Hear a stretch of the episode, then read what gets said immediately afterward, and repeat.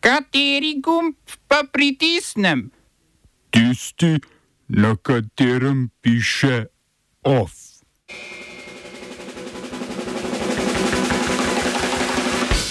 Ameriška vojska z britanskimi prijatelji zbombardirala Jemen. Izraelski zagovor genocida nad palestinci na Haškem sodišču. Državni zbor Matejo Čalušič potrdil za novo kmetijsko ministrico. Protest proti poskusu deportacije nigerijskega delavca pred azilnim domom na Viču.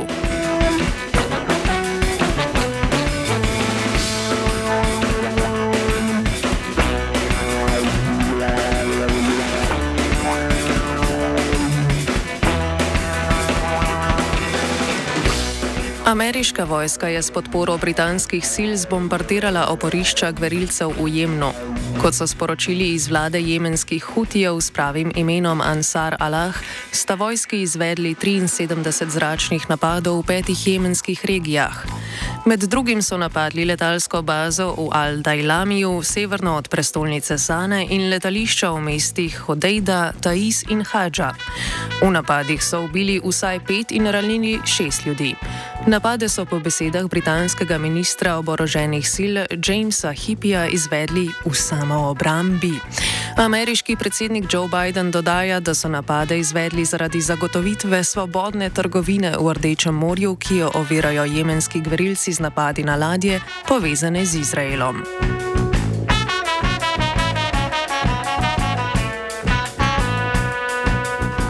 Kot pravijo v Ansar Allahu, bodo to počeli, dokler Izrael ne bo končal genocida v Gazi. V odgovor na bombardiranje so sporočili, da so zdaj tudi ameriške in britanske ladje legitimne tarče. Vojaško intervencijo so američani in britanci izvedli brez odobritve obeh parlamentov. Gre za prve neposredne napade imperialistov na Jemen od leta 2016. Sicer američani v jemenski državljanski vojni že podpirajo Saudovo Arabijo in Združene arabske emirate.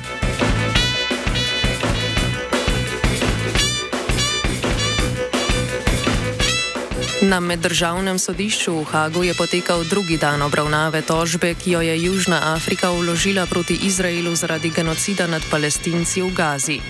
Potem, ko je Južna Afrika predstavila argumente, po katerih bi morali izraelska dejanja preganjati po konvenciji o preprečevanju in kaznovanju zločina genocida, so odvetniki Izraela skušali svoja dejanja upravičiti.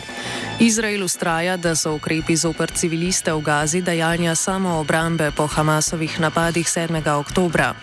V Izraelu zatrjujejo celo, da ima Južna Afrika tesne stike s Hamasom in poskuša izrabiti pomen besede genocid kot orožje.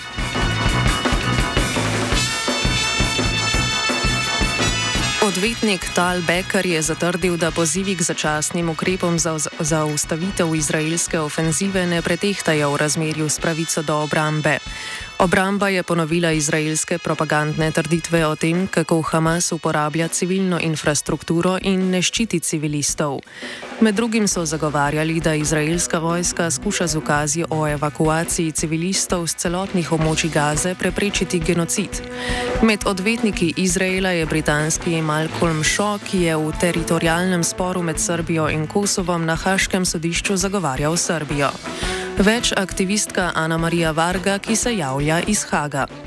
Ja, odvetnik ima kar zanimivo zgodovino, zagovarja ja, ljudi, ki imajo kar eh, zelo namerne, uh, zelo namerne dejanja in tako naprej. Um, tudi Združene arabske emirate je že zagovarjal, um, pa Kamerun. Uh, napisal je ogromno knjig, ki se meni zdijo vseeno tako, kot da bi nekako zagovarjal novodobno kolonizacijo in na nek način uh, zmeraj dehumaniziral torej neke druge skupine ljudi. Ja, zanimivo je, da, da so izbrali takega odvetnika, um, ki pravzaprav se mu tudi ni uspelo v preteklosti uspešno zagovarjati. Ukrajinski parlament je zavrnil predlog zakona o mobilizaciji, s katerim želi vlada razširiti obseg mobilizacije v vojsko in uvesti strožje kazni za tiste, ki se v poklicu izogibajo. Spremembe zakona uvajajo znižanje starosti moških, ki so lahko upoklicani v vojsko 27 na 25 let in omogočajo možnost upoklica preko interneta. Predlagani zakon je prav tako omogočal ukrajinski vladi, da tistim, ki se v poklicu izogibajo, omeji pravice do zasebne lastnine. Poslanci so zakon vrnili v obravnavo parlamentarnemu odboru, da bi ga spremenil in iz njega izločil možnost elektronske mobilizacije ter možnost posega v zasebno lastnino. Predsednik Volodomir Zelenski želi s spremembami zakona upoklicati dodatnih 400 do 500 tisoč vojakov. Poleg pomankanja vojno usposobljenih ljudi, Ukrajina še zmeraj čaka oborožitev in denar z Zahoda.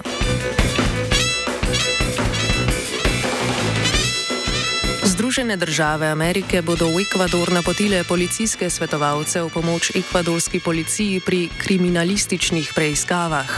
Tako so sporočili z ameriškega zunanjega ministrstva. Ekvadorske oblasti ta teden zatirajo oborožen upor narkokartelov, ki se je začel po razglasitvi izrednih razmer predsednika Daniela Noboe. Več v kultivatorju ob petih. Smo se osamosvojili nismo se pa osvobodili. Naslednje število je še 500 projektov. Izpiljene modele, kako so se strani nekdanje LDS rotirali. Ko to dvoje zmešamo v pravilno zmes, dobimo zgodbo o uspehu. Takemu političnemu razvoju se reče udar. Jaz to vem, da je nezakonito, ampak kaj nam pa ostane? Brutalni obračun s politično korupcijo.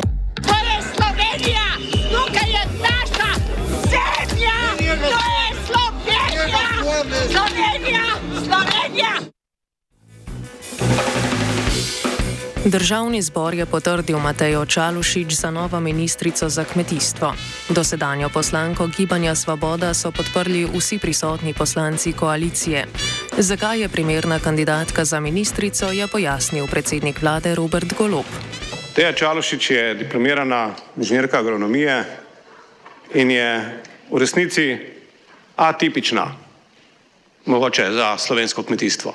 Atipična ne samo zato, ker je mlajša generacija, ne samo zato, ker je po študiju agronomije se sicer ukvarjala tudi s svojim področjem, ampak predvsem z delom v družinskem podjetju, ampak atipična tudi zaradi tega, ker je zame nova generacija politikov in ki je v resnici vse svoje življenje, profesionalno in tudi osebno, namenila povezovanju podeželskih skupnosti. Povezovanju, ki pravi, da kmetijstvo samo po sebi ne more biti sebi namen da je kmetijstvo najbolj bogato takrat, ko je povezano tudi z vsemi ostalimi spremljajočimi dejavnostmi.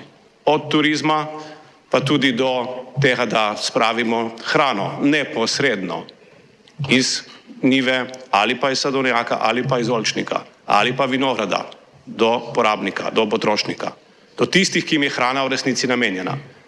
In ravno ta koncept, po katerem bomo lahko naše slovenske kvalitetne kmetijske proizvode spravili neposredno do nas, potrošnikov, je tisti, ki verjamem, da ga bo znala ona najbolje zagovarjati, ker pozna celotno verigo.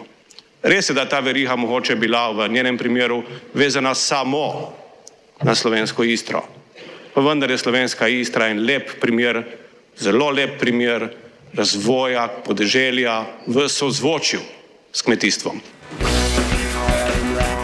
Opozicija je imenovanju Čalušič nasprotovala. Očitali so ji pomankanje izkušenj in podvomili v njeno možnost, da se upre interesom lobistov in se postavi za slovenskega kmeta. Čalušič je prejšnji teden čez noč postala nova kandidatka za ministrico, potem ko je prvotni golobov kandidat Vojko Adamič poslancev Gibanja Svoboda na prednovoletni predstavitvi ni prepričal.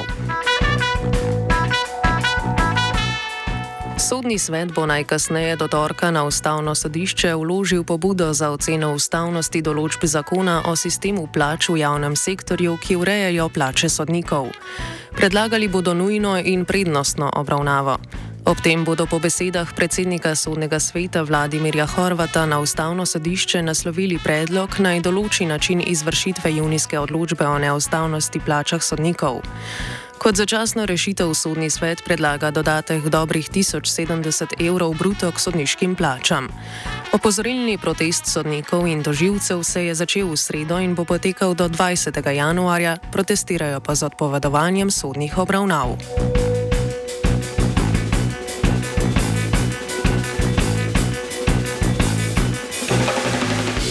Slovenija nabavlja nemški sistem zračne obrambe srednjega dometa Iris-T. Nakup bo državo stal slabih 147 milijonov evrov. Obrambni sistem, ki s tovornjaka izstreljuje rakete vodene z GPS sistemom z dometom 40 km, lahko doseže cilje do višine 20 km. Naročilo so na obrambnem ministrstvu objavili 10. januarja, potem ko je državni sekretar Dami Črnčec podpisal dogovor z nemškim kolegom Benediktom Cimerjem.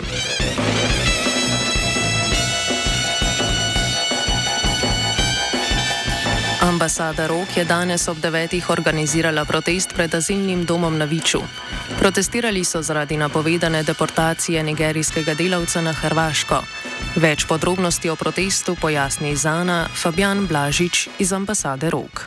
Danes se je zgodil protest, ker je MNZ napovedal deportacijo uh, enega izmed naših tovarišev, ki v Sloveniji dela, ki je tri tedne pomagal intenzivno pri sanaciji škode po poplavah. Um, in to so vse teme, na katere že več mesecev opozarjamo, ministrstvo, da uredi um, pač možnost bivanja tem osebam, uh, ki se jih v Sloveniji krvavo potrebuje, torej ljudje, ki so tuji delavci, ki so zaposleni, ki imajo redne pogodbe, ki se vključujejo v življenje in družbo na tak in drugačen način, uh, pa jim še vedno pač nad glavo visi deportacija. Torej, že več mesecev uh, opozarjamo na to in pač kličemo k neki rešitvi. Ministrstvo je neodzivno in uh, danes so napovedali deportacijo pač enega izmed teh ljudi, tako da smo se zaradi tega zbrali pred azilnim domom, kjer ne bi ga odpeljali. Fabian Blažič razloži tudi, da do deportacije na to ni prišlo. Potem se ta deportacija ni zgodila uh, in uh, upam, da bodo vsaj zdaj slišali naše, naše pozive in jih je malo bolj resno, ker to je pač stvar, ki, pač stvar za katero se bomo mogli usesti in premisliti, kako naprej. Spreval na Koroškem so odpeljali zadnji del 1700 ton naplavljenega nevarnega mulja. Odvoz mulja na remedijacijo v Avstrijo je po pogodbi z okoljskim ministrstvom izvajalo podjetje za gospodarno ravnanje z odpadki Zaubermacher Slovenija. Za odvoz so dobili 500 tisoč evrov. Na ministrstvu sporočajo, da je pripravljen aneks pogodbe, po katerem bo podružnica avstrijskega podjetja v Avstrijo odpeljala še dodatnih 250 ton preostalega mulja. Nevarni mul v Mežiški dolini, ki vsebuje ostanke težkih kovin, tako po petih mesecih od avgustovskih poplav ni v celoti očiščen.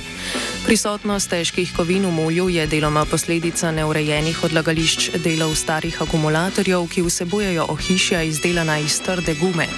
Ohišja akumulatorjev, ki so bila zakopana na obrežju reke Meže, so razkrile avgustovske poplave.